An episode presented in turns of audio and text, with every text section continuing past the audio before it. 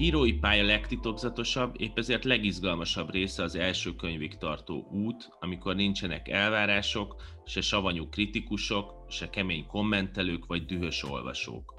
Az első című sorozatban népszerű, díjazott írókat kérdezek az első lépésekről, sikerekről és pofonokról. Valuska László vagyok, ez az első. A Libri Irodalmi Díjas Tom Pandra első regénye 2010-ben jelent meg a Hóhérháza címen. Egy éven át írta a rendszerváltás előtti Kolozsváron játszódó regényt, amelynek főszereplője T.A. a román diktatúrában néz szembe családja sorsával és felnövés történetével. Hosszú mondatokról, hóhérokról, Magyarországra költözésről és diktatúráról beszélgettünk Tompa Andrával, aki azt is elmesélte, hogyan kapcsolódik első regényéhez a 2020-ban megjelent Haza című könyve. Jó napot kívánok, köszöntök mindenkit az első című podcast új adásában, amiben Tom Pandrea a Hóhér háza című regényéről fogunk beszélgetni Tom Pandreával. Szia, köszöntelek itt a műsorban. Ja. A,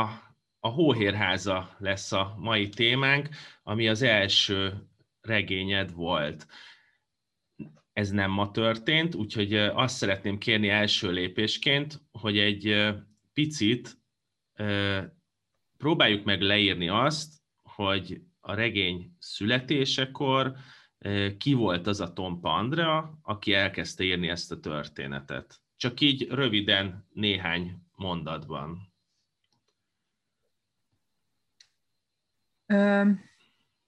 Hát maga az írás 2007-ben történik,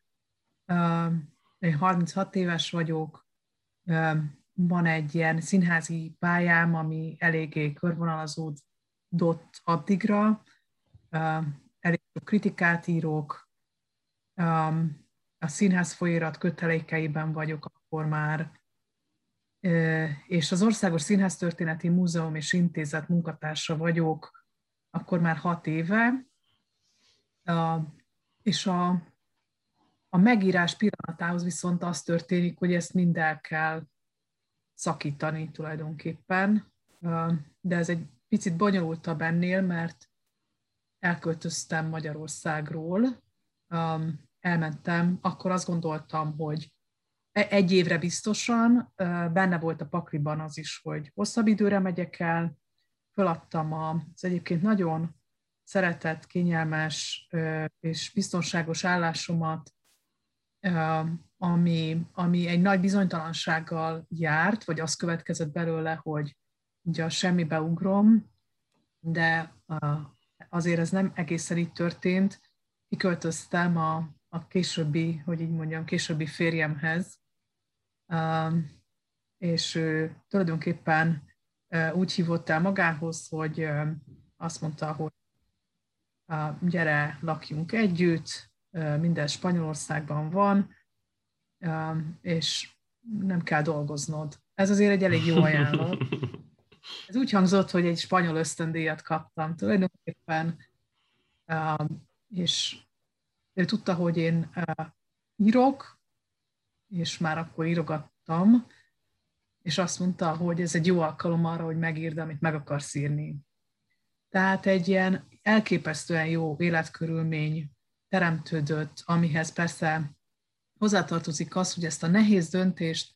meghoztam, hogy feladom az állásomat. Tehát fizetés nélküli szabadságra mentem, később visszamehettem volna, de akkor már úgy éreztem, hogy megpróbálnék váltani valamilyen irányba. És a, ez, a, ez a egy év, ez tulajdonképpen egy spanyol faluban zajlik, egy fensikon, ahol nagyjából semmi sincs. Ilyen együdülő falu, ahol ilyen egyenházak vannak, semmi, igazából a szépség a természetben van, tehát az egyen faluban angol nyugdíjasok laknak, és a semmi van, de ez a semmi, ez elég lenyűgöző, ez a tengerparton van. Úgyhogy én itt kezdtem el ezt a könyvet írni. És be is fejeztem a a literának annak idején azt nyilatkoztad, hogy konkrétan az a könyv villámgyorsan íródott meg, egy napfényes áprilisi délelőttől január végéig, tehát kevesebb, mint egy év alatt. Erre erre az írásra, tehát magára a gyakorlati részére készültél, tehát volt a fejedben szerkezetváz, motivumháló, bármi, és akkor, ez, és akkor le kellett ülni, és akkor egy évig írtad, vagy hogy kell ezt a részét elkép, elképzelni? Két előzménye van írási szempontból, leszámítva mindazokat az előzményeket, amit mondjuk nem sorolnék így nagyon szorosan az irodalomhoz tartozónak, tehát amikor az ember kritikát ír, tanulmányt, meg mindegyebet, az is valamiféle gyakorlatot ad, de egy ilyen irodalmi ráfutása ennek a szövegnek kettő is volt. Az egyik az, hogy a 90-es évek végén, vagy talán az 96-97 táján lehetett, én megpróbáltam ezt a történetet már egyszer megírni. A hozzá vetőlegesen egy ilyen száz oldalt írtam, amiből tíz oldalnyit még az éshez is bevittem, ahol Dérci Péter ezt üdvözölte, és azt mondta, hogy ez remek, tegyem ki a veszőket, és várja vissza a kéziratot, hogy publikálja, majd is soha nem mentem vissza az ésbe, meg is ijedtem, és tulajdonképpen ez a félelmem valahogy nem tudott soha elmúlni. És a másik, ami viszont már nagyon erősen egy ilyen alapozása volt ennek a könyvnek, elkezdtem olyan 2005 táján olyan szövegeket írni, kisebb-nagyobb szövegeket, amelyek körülbelül ebben a formában születtek meg, ahogy ennek a könyvnek a fejezetei íródtak végül, tehát ezek az egymondatos verziók, és hát egy ilyen csokornyi szövegem lett, egyáltalán nem volt köze azoknak a szövegeknek ahhoz, amiről ez a könyv végül szólt, de a formát azt megpróbáltam, tehát valamilyen formát kerestem, és igazából nem találtam azt még, amit írni akarok, de a formával kísérleteztem. Hozzátartozik ehhez az, hogy amikor úgy éreztem, hogy van egy tényleg egy csokornyi szövegem, megkérdeztem Závada Pát, hogy elolvasná-e, és ő nagyon készségesen elolvasta ezt a szöveget, ezeket a kis szövegeket, és azt mondta, hogy hát a forma az nem jó, de látszik, hogy van mondandóm. És én pont fordítva gondoltam egyébként uh-huh. magamra, mint aki formaérzéke, de nem tudja, hogy miről beszéljen. És ez a, ez a mondat az Závadának, ami nagyon-nagyon sokat segített, és tulajdonképpen úgy gondolok Závadára, mint egy ilyen, nem tudom, mint aki, amikor valaki így belöki a golyót, de persze többen is vannak ilyen szerepben, a már említett férjem is, Szarka Zoltán, hogy e, ez a forma egyszer csak megtalálta azt, hogy mi is nekem, mi feszít engem. De ehhez persze kellett az is, hogy egyre jobban rá tudtam valamire csavarodni, hogy így mondjam, hiszen ezek a mondatok szinte rá csavarodnak valamire, és ez a valami, ez, ez nem egy távoli tárgy kezdett lenni, hanem visszatért az a vágyam, hogy ezt a történetet, ami a családom, az apám és a diktatúra, hogy így három ilyen sarokszámot mondjak, hogy ez, ez, ez a forma volna az, amiben én ezt mégiscsak megpróbálnám elmondani, és valóban kimentem, igazából január végén költöztem ki Spanyolországba, két hónapig nem csináltam semmit, és panaszoltam, hogy nem jut semmi eszembe, és egy áprilisi napon, amikor a férjem elment dolgozni, azt mondta, hogy írjál valamit. És úgy látszik, hogy ennyi kellett, hogy így az ajtóban, távozóban valaki azt mondja, hogy írjál valamit, és akkor megírtam az első fejezetet, ami a nagyjából a könyv közepén van, és utána, mivel ilyen nagyon sok alapozás volt már ehhez, és hát nagyon, tehát az életkörülmények, az idő, a figyelem, ez a letisztultság, nincs semmi, nem zavar semmi, ez így tulajdonképpen kirobbantotta ezt a könyvet. Hozzáteszem, hogy én mindig nagyon gyorsan írom az első verziókat, rendkívül gyorsan, talán túl gyorsan is, inkább, a, inkább ez a félelmem, hogy miért ilyen gyorsan mennek ezek a dolgok. A, az első fejezetnek a címe az, hogy Kórus 1989. december 21. A te életedben 1990 azért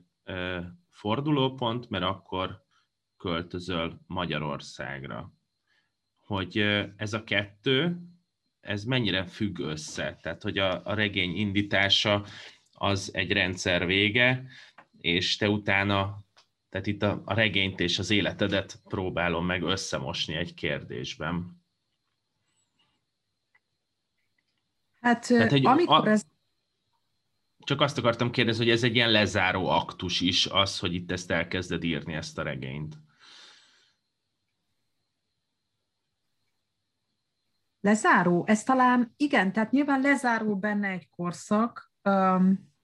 egy olyan korszak, ami csak látszólag zárul le, hiszen annyira nem tudtam leszakadni erről a korszakról, hogy folyamatosan visszatérek hozzá később, és igazából az én kincses ládám emberi értelemben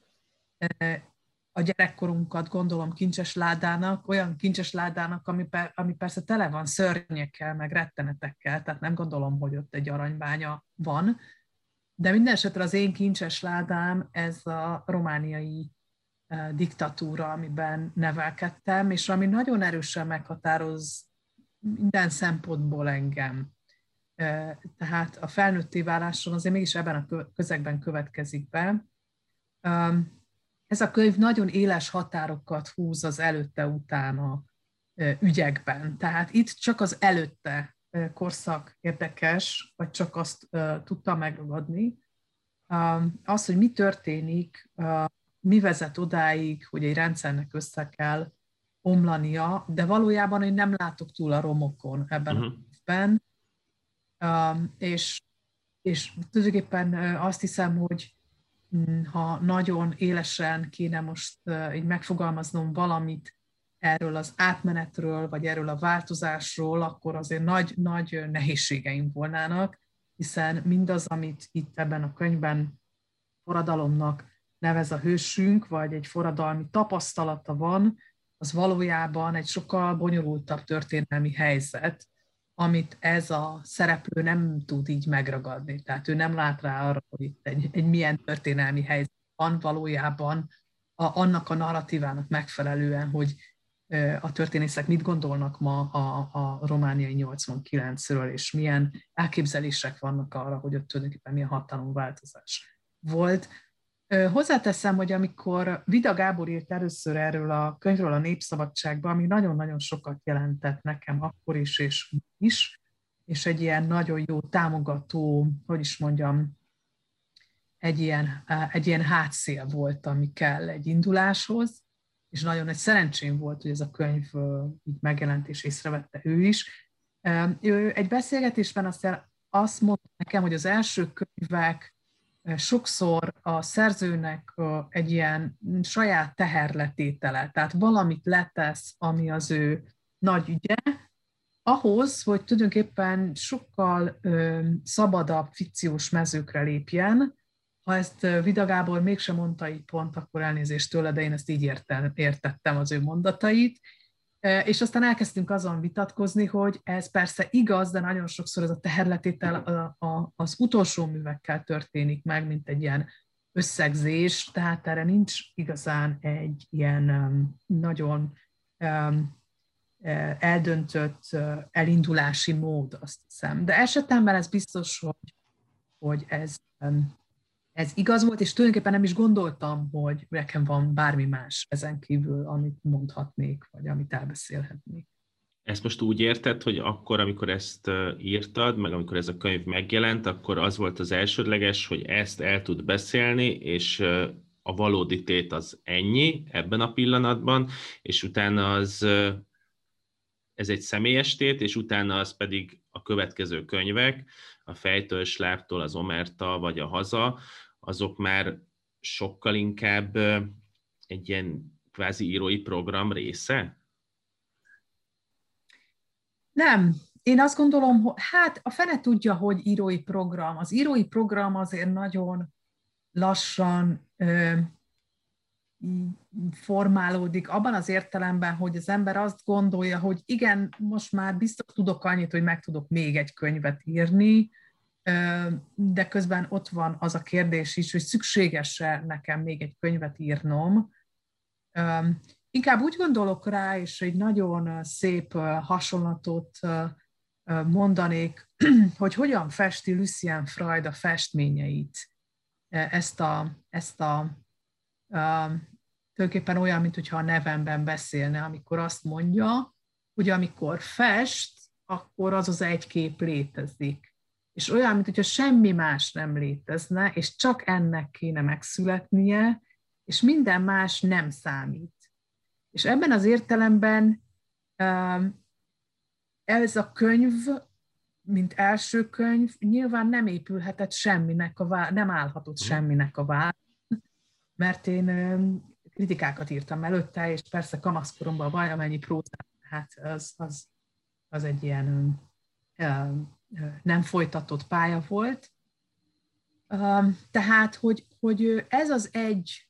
könyv van, de ez a tapasztalat, hogy ez az egy könyv van, ez, ez elkísér mindig, és jelen van, és ma reggel is, amikor ügyködtem a soron lévő könyvemen, akkor csak arra tudok gondolni, hogy ez az egy könyv van. Miközben persze tudom magamról, hogy közepe, minimum egy közepes szinten, vagy egy ilyen valamilyen félszürke szinten tudok könyveket írni. Most már ennyit tudok magamról, de nincs, nincsenek könyvek így a szemem előtt. Vannak vágyak néha, vagy álmok, álmodozások arról, hogy talán ehhez hozzá kéne nyúlni, talán ott még van valami, amit nem ástam ki, mindig azt hiszem, hogy például ezt a diktatúra történetét, vagy az apám történetét nem ástam ki, és soha nem is fogom tudni kiásni, ebben lassan bele kéne nyugodni, de ilyen értelemben mindig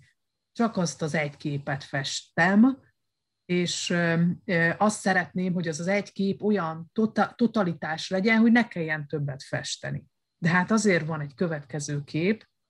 mert ez a totalitás nem fog létrejönni, ez nem jöhet létre. Ezen a ponton akkor felolvasnék egy részletet a könyvedből, ami a címhez kapcsolódik.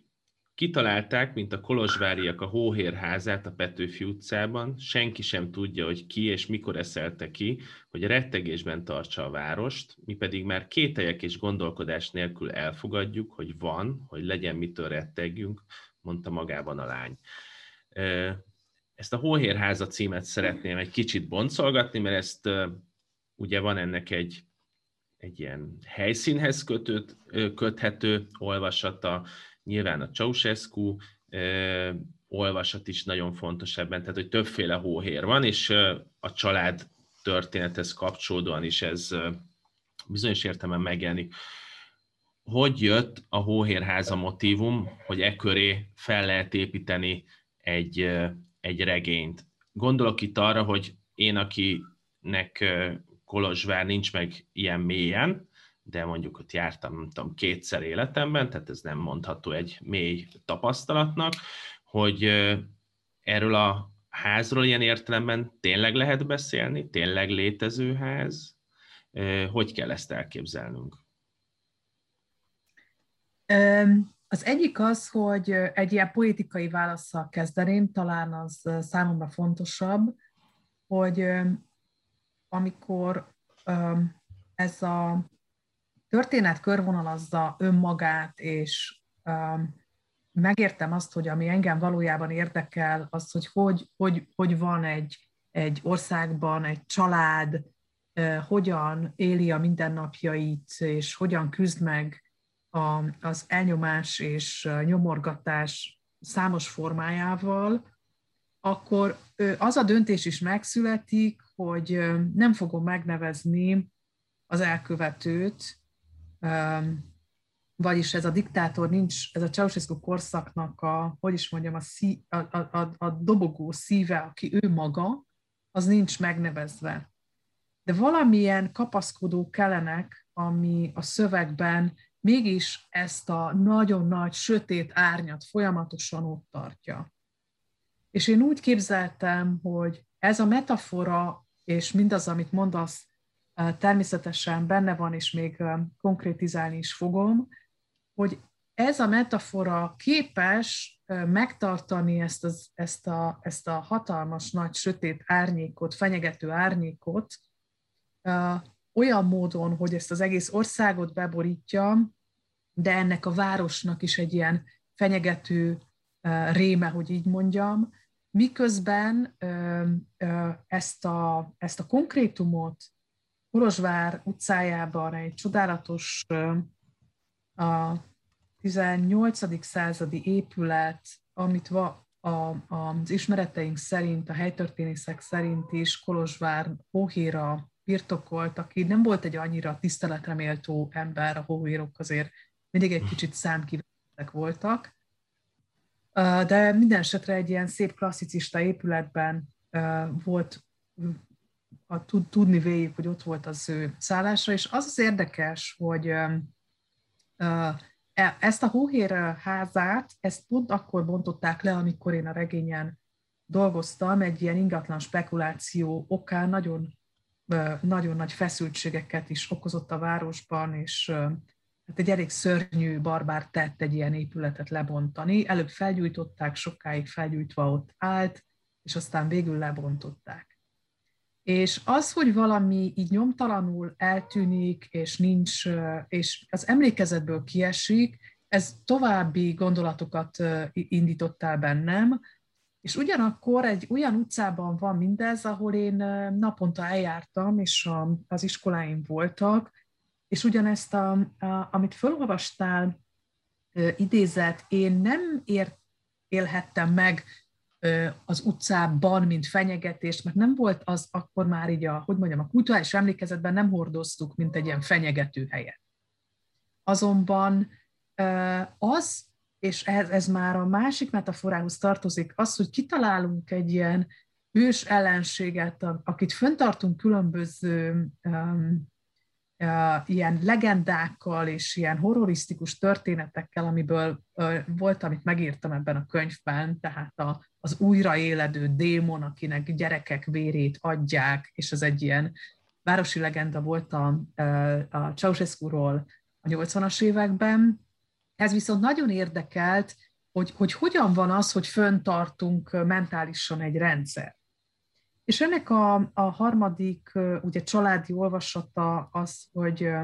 hogy tulajdonképpen egy ilyen, és valójában ez az e, e könyvben ez izgatott talán a legjobban, hogy meg lehet-e írni azt, hogy egy diktatúrában mindenki, a kisgyerekek is résztvevők ebben a történetben. Ilyen értelemben adjuk, adjuk a testünket hozzá, adjuk a, hozzájárulunk a diktatúra föntartásához, és hát az ember elkezd úgy bánni magával, meg a környezetével, és erre példák a tanárok, vagy akár az apa figura, elkezdünk úgy bánni magunkkal, ahogy a diktátor bánik velünk. Tehát ha egy ilyen kegyetlen világban élünk, hogy ilyen nagyon leegyszerűsítsem, akkor mi magunk is ezeket a kegyetlenségeket egymáson és önmagunkon hajtjuk végre, és ilyen értelemben saját magunk hógirai vagyunk.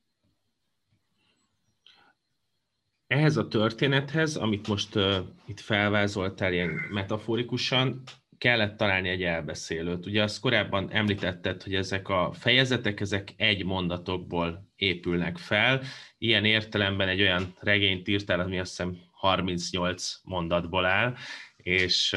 és mégis nagy regény, hogy egyes szám harmadik személyben szól a történet, mégis így elelcsúszik az egyes szem első személy fele. Ugye azonosítani az elbeszélőt nem ez a legfontosabb része, de egy TA monogramú elbesz, vagy szereplőről beszélünk, aki 1971-ben született. Mennyire volt nehéz a nulladik ponton azt megtalálnod, hogy hogyan kell ennek az elbeszélésnek megszólalnia, hogy próbálkoztál-e egyes szám első személlyel, vagy, vagy ahogy az előbb említetted, ezek a, ez a forma és ez a megszólalás, ez, ez jött ilyen értelemben magától, mert el is van távolítva a saját történetettől, de nyilván bizonyos pontokon azonosítani is lehet egy az életeddel.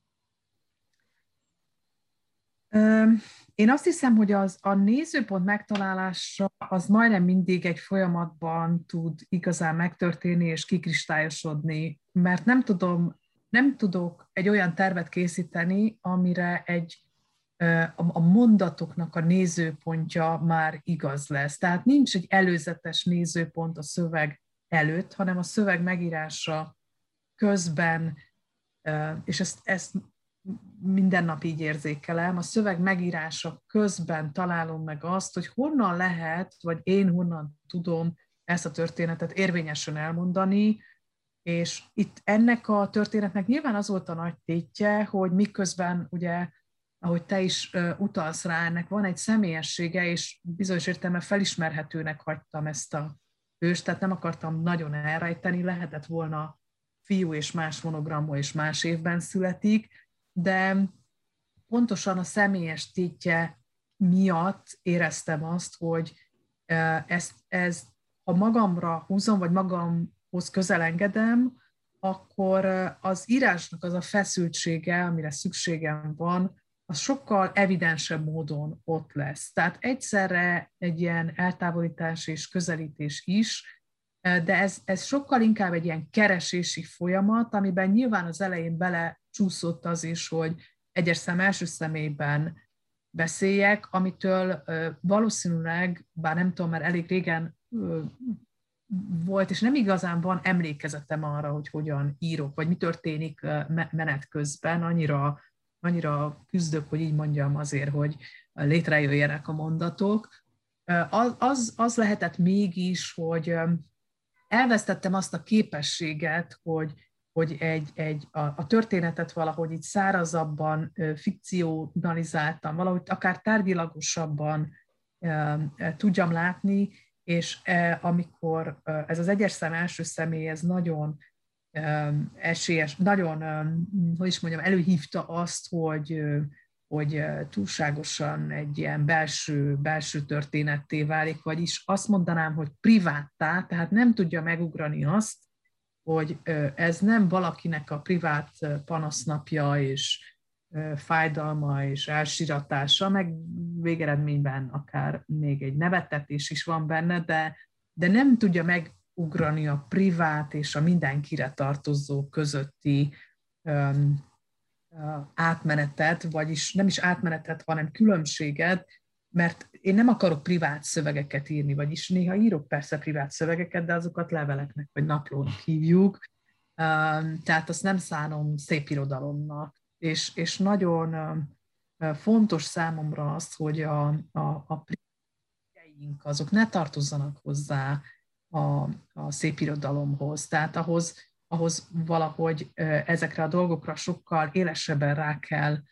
látni, meg valahogy ki is kell hasítani magamból, ki műtenem magamból ahhoz, hogy ezt oda tudjam másnak adni, hogy a, a, ebben a más, ebben saját magát ismerje fel esetleg az olvasó. Ebben a történetben nagyon fontos az, hogy egy lányt ismerünk meg, és szépen lassan elkezdjük, kibontakozik a lány körül a családja. A kritikákban, amik annak idején megjelentek, egyébként ezt ki is hangsúlyozzák, ezt az átmenetet a, a, a, a lány személyes történetéből, hogy ez egy család történetté válik. Ilyen értelemben nagyon fontos az, hogy hogyan lesz egyre gazdagabb a szöveg, és hogy hogyan ismerjük meg azt, hogy ez a lány nem csak a diktatúra rendszerében értelmeződik, vagy növekszik, hanem a szűkebb értelemben a család is ugyanilyen fontos hatást gyakorol rá. Ezt a családot, aminek, aminek különböző időszakait megismerjük a, a, a regényben, hogyan láttad elbeszélhetőnek abból a szempontból, hogy, hogy ez is egyfajta rendszerként jelenjen meg. Tehát ez, nem tudom, hogy ez pontosan ért, érthető a kérdés, tehát hogy ahhoz próbálom meg párhuzamba állítani, hogy amíg kialakul egy ilyen társadalmi politikai rendszer a regényben, amellett én egy szűkebb buborékot látok, ami egy nagyon hasonlóan bonyolult rendszer, amit családnak hívunk. Én egyrészt azt gondolom, hogy a, a művészet, az irodalom, a színház, film, stb. nagyon nehezen birkózik meg,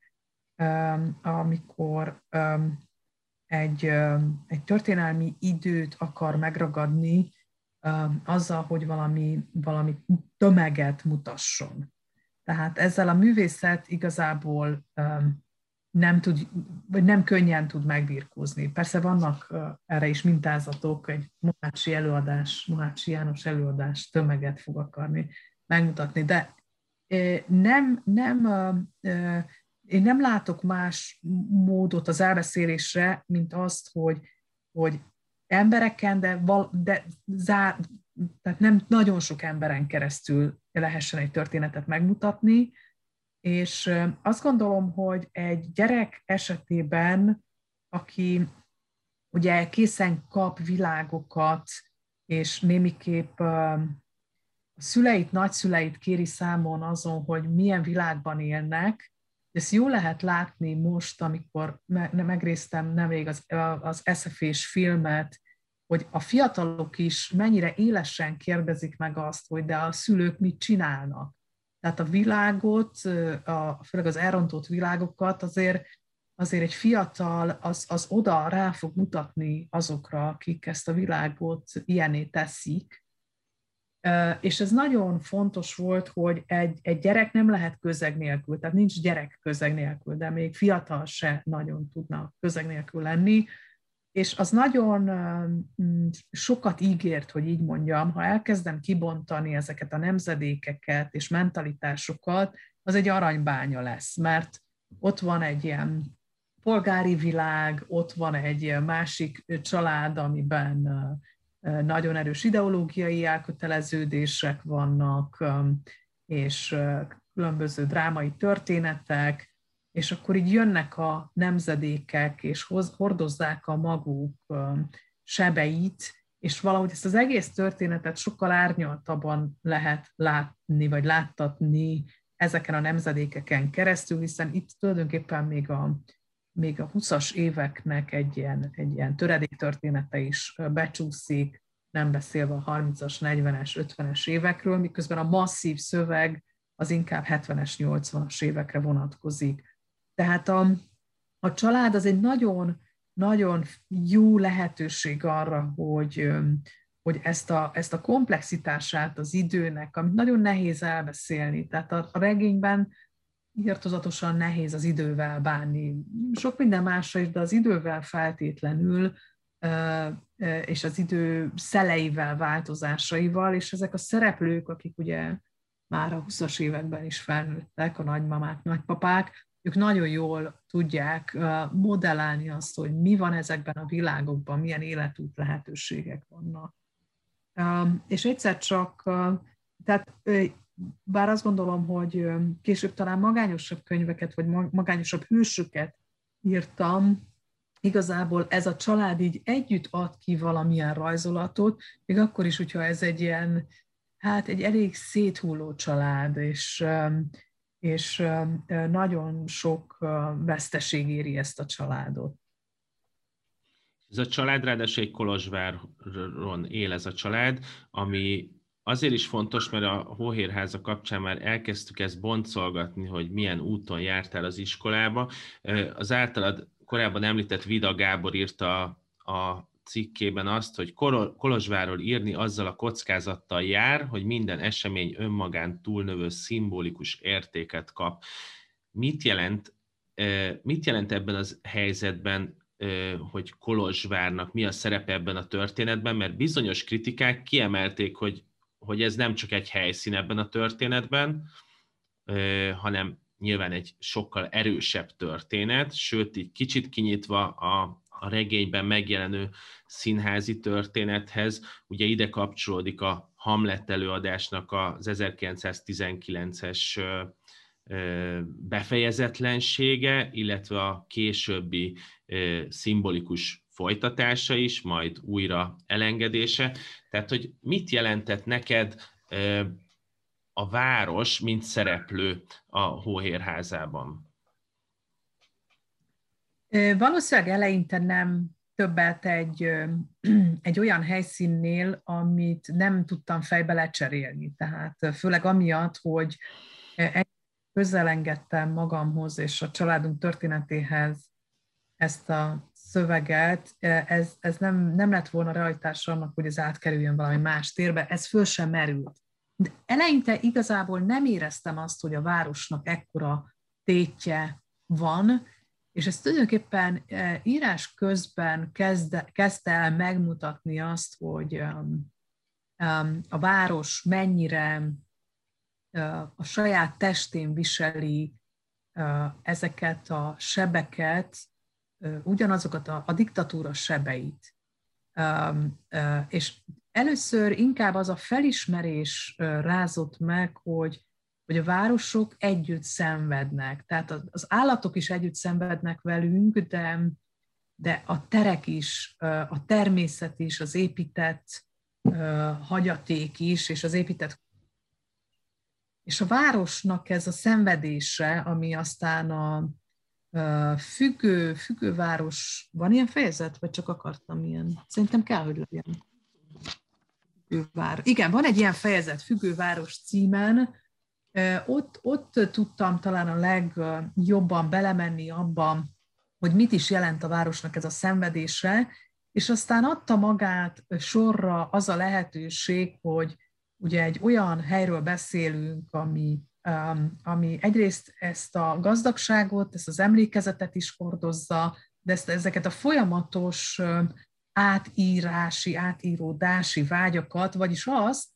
hogy, hogy ezt a várost egyfolytában gyúrja a hatalom, hogy a hatalom azt akarja, hogy így hívják, hogy le akarja bontani, hogy ezt fel akarja építeni, hogy ez így legyen, az úgy legyen. Elviszik a főtéri templom keresztjét, vagy nem, ami a 80-as években egy ilyen állandó félelem volt. Tehát, hogy a, a városnak ez a belső szorongása is egyszer csak így megjelent előttem, mint egy lehetőség, és ö, ö, megint éreztem azt a, azt Um, ebben a metaforában, ha tetszik, mert azt gondolom, hogy a város egy metaforává is tud válni akkor, nem csak egy konkrét helyszínné, hogy a, a tér, mint a szenvedés tere, a, a, a, a sebek tere meg, megíródjon, és ezt kerestem, sokszor ilyen nagyon konkrétan írtam meg ezeket a történeteket, de mégis ez a, ez a térnek ez a kiszolgáltatottsága, ami rendkívüli módon érdekelt. Az értékei és a kiszolgáltatottsága. Ugye ez az a hely, ami a 2020-ban megjelent Haza című regényedben egy olyan hely, ahova vissza kell valahogy majd mennie a főszereplőnek,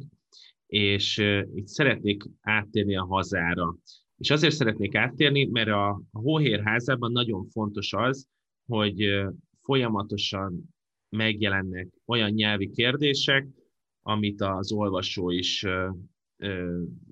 szembe talál, amivel az olvasó is szembe találja magát, tehát románul leírt mondatok szerepelnek a regényben, amiket zárójelben magyarul lefordítva olvashatunk, miközben a 2020-as hazában is egy nyelvi kérdés is az, hogy mit jelent a haza, és, és ebben ugye a hazában azt írott, hogy a a nyelvet vissza kell foglalni. Hogyan kapcsolódik ez a két regény az alkotói nézőpontodból? Mert nekem most itt az újraolvasásnál nagyon érdekes volt az, hogy egy kicsit azt, vagy hát nem kicsit, hanem azt érzem, hogy a, a hóhér háza az eljut egy pontig, ami, ami felvázolja egy szereplőnek az, az gyökereit, meg az életét, a kulturális és történeti hátterét, és 2020-ban a Haza című regényben valahol ezt a szereplőt, még ha nem is egy az egyben, de ezt kezdjük el újra megismerni, hogy ő hogyan közelít újra ehhez a történethez. Um egy pillanatra írt fel magadnak, hogy hol tartunk, mert muszáj kinyitnom itt az ajtót, mert ez a macska belenyál. Szor. Cica, gyere! Én benem ezek a könyvek, valószínűleg ez a két könyv szorosabban összetartozik, mint, mint a többi, vagyis a, a többi, amit írtam, ilyen közvetlenül talán nem kapcsolódik egymáshoz. Um, és amikor ennek a könyvnek a, a könyvet tulajdonképpen így már valamilyen tárlatból láttam, akkor elkezdett, elkezdett foglalkoztatni az, hogy ennyivel ezt nem lehet megúszni, ezt a történetet. Tehát tartozom azzal, hogy mi lett utána. És mi, mi van ezzel a hőssel, aki igazából úgy megy ki ebből a könyvből, hogy szabadok vagytok, mehettek, és ez a menés valahogy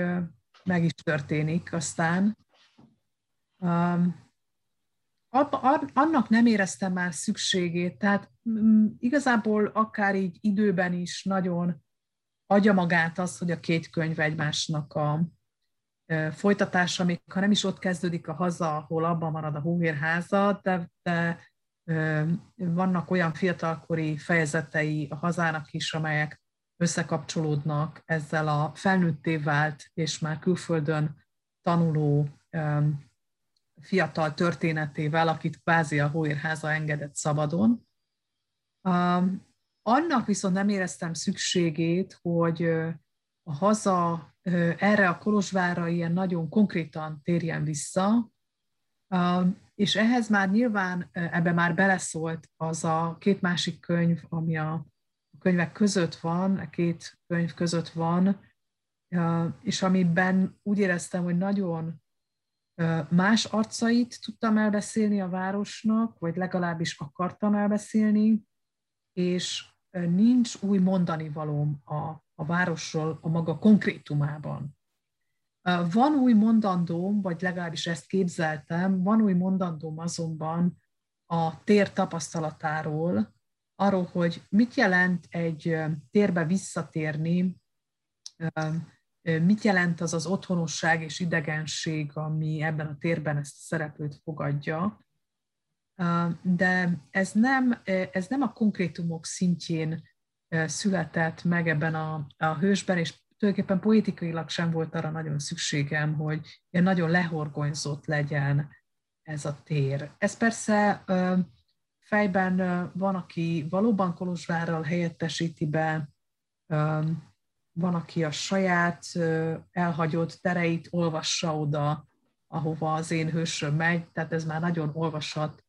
függő, de valóban ezt a, ezt a, ezt a két hőst egy picit fejben összekötöttem, hiszen az egyik épp a felnőttkor küszöbére ér, és a másik nagyjából onnan indul el a történet egy pontján. És az is talán összeköti a két könyvet, hogy a haza is ezt az egyes szám harmadik szemét tudja ebből a, ebből a nézőpontból tud beszélni,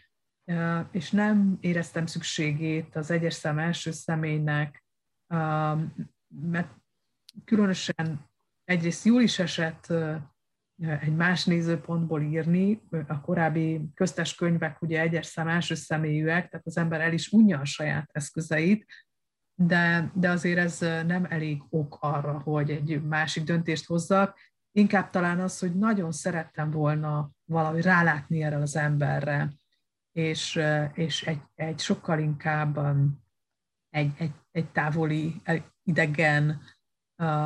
és ebben az idegenségében megismerendő emberrel találkozni. Nekem a, ez a haza azért is izgalmas ebből a, a Hóhérháza nézőpontjából, mert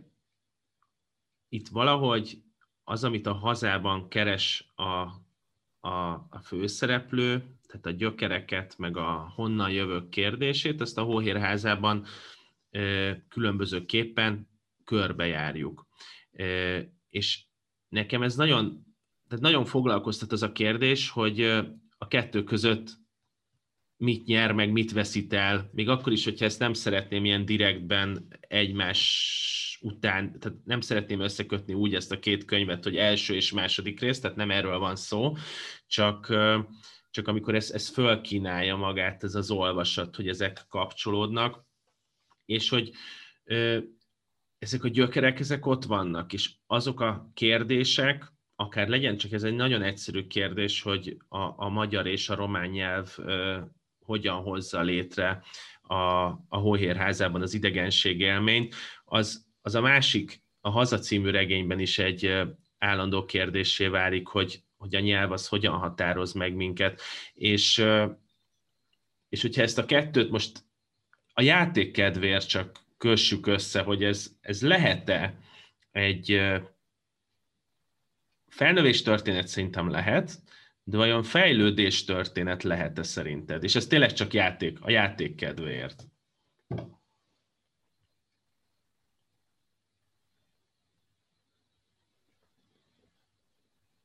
Hát azt hiszem, hogy a, a szónak a, a ilyen pszichológiai értelmében legalábbis a haza szereplője olyan nagyon nem tud már fejlődni, tehát nem bejár egy utat, de nincs egy nagy felismerése, vagy egy nagy fordulata. Tehát a fejlődés történet a Hőrháza hősére sokkal érvényesebb lehet, hiszen ő egy ilyen megértési folyamatban van benne, és ugye vannak egész kisgyerekkori történetek, és ebben a, az egész kisgyerekkori történettől a kamaszkori történetekig valójában összerakja a saját világát, hogy ez milyen, milyen a családja, milyen egy diktatúra, mit jelent a jogfosztottság, ki az apám, és miért, és mi történik vele. A, az a szereplőjével ilyen, ilyen nagy felismerés történetek talán már azért sincsenek, mert ott egy picit más írásmódot kerestem abban az értelemben, hogy hogyan lehet úgy írni, és egy olyan bizonytalanságban, vagy egy keresésben hagyni egy hőst, hogy ez a keresés tulajdonképpen ezt átadjuk az olvasónak, és az olvasó legyen az az aktív, aki valamilyen felismerésre juthat, vagy, vagy valamilyen megértést, megértésig el tud kapaszkodni, de ez magával, talán ezzel a hőssel igazából nem történik meg, mert ő inkább egy ilyen bizonytalansággal és egy ilyen sok-sok kérdéssel veszi körbe magát. De egy, ha, ha őket így együtt, együtt látom, már pedig miért ne láthatnám akár így egymás kezét is fogva, vagy egymásnak átadva valamit, akkor a nagy fordulat az valójában a Hóérháza hősével történik meg, aki megél egy, egy, egy ilyen szabadulás történetet. A, a haza szereplője inkább el kell, hogy fogadja a saját történetét, és nincs, nem tud megszabadulni, már nincs mitől megszabadulni tulajdonképpen, mert az őt körülvevő világ um, nem tartogat ilyen nagy fordulatokat, nem csak forradalmat nem tartogat, uh, meg diktatúrát sem, hanem valahogy nagyon a, a világ így belekerült az emberbe, és nem körülötte van, ettől sem tud ez, ez egy olyan nagy eseményé válni, és belül az ember így sokkal lassabb, vagy, vagy kiszolgáltatottabb annak, hogy a, a kérdéseire, ha néha talál is valamilyen választ, akkor azt rögtön meg is tudja cáfolni. Tehát sokkal tétovább az ember így magában. Nyilván közben a, a, a történelmi idő körülöttük drámaia más és ezért sem, sem nincs lehetősége a haza felnőtt és már ilyen stabil hősének nincs lehetősége valami nagy, nagy újba belelépnie, hanem ő, ő neki bele kéne nyugodni abba, hogy ez van, ez az ő története, és így kell, így kell élni. A, a, a, nyilván egy kamasz ebben nem nagyon tud belenyugodni. Egy kamasz így hánya veti magát, és mindenképp forradalomra vágyik. Ezt ugye is látjuk pontosan ugyanígy, és egy, egy ilyen 50 körüli ember meg uh, uh, szomorkásan vonogatja a vállát. Ezt a regényt 14 évvel ezelőtt írtad, amikor még nem voltál befutott író. nem nyertél díjakat, nem kaptál jó kritikákat, nem voltak olvasóid, hanem csak elképzelted, hogy milyen az, hogy egyszer olvasóid lehetnek. Ha visszagondolsz a 14 évvel ezelőtti Tom Pandrára, aki írja Spanyolországban, a kisfaluban a szöveget, akkor mi az, a, mi az ami, a, amire a legkedvesebb gondolni, vagy ami a legjobban hiányzik abból a ilyen értemben ártatlan képből? Hát ennek a szituációnak, amit leírtam, az tényleg az így, így a, az ideálisnak az ideális változata. Tehát ilyen alkotói ösztöndíjak nincsenek a világon, amikor az ember egyszerre kap egy spanyol falut, napsütést, egy szerelmet, és még eszébe jut valami minden, minden nap, amikor leül írni. Tehát ez, e, ennek a szituációnak azért az írás extázisát azért azt, azt ma is élem, és ha hagyják, akkor minden nap élem. Nyilván azóta ki körém nőtt egy család, ami egy teljesen új helyzet, ott napi 8-10 órában csendben, a, nézegetve a tengert és a pálmafákat, szóval ez egy kicsit más volt. Ugyanakkor azt kell mondanom, hogy bármennyire ideális az a helyzet, mégsem, mégsem maradtunk még egy évet, megtettük volna. Egyszerűen honvágyunk volt, és, és egy kicsit kevés volt az inger egy időn túl. A, a, leg, a legszebb dolog a csend volt. Ilyen, ilyen, ilyen abszolút csendet és nyugalmat, ami, ami azt szolgálja, hogy találd meg, hogy ki vagy, és mi a mondani valód, ilyet, ilyet nagyon nehéz előállítani, azt gondolom. Köszönöm szépen, Andrea, hogy beszélgettél velünk az első regényedről, a Hóhérházáról, és remélem, hogy akkor a következő könyvethez megtalálod ezt a csendet, és ezt a szimbolikus kis spanyol falut, hogy tudjad folytatni az írást. Köszönöm szépen neked, hogy itt voltál velünk az első című podcastben. Én is nagyon köszönöm, hogy elhívtál.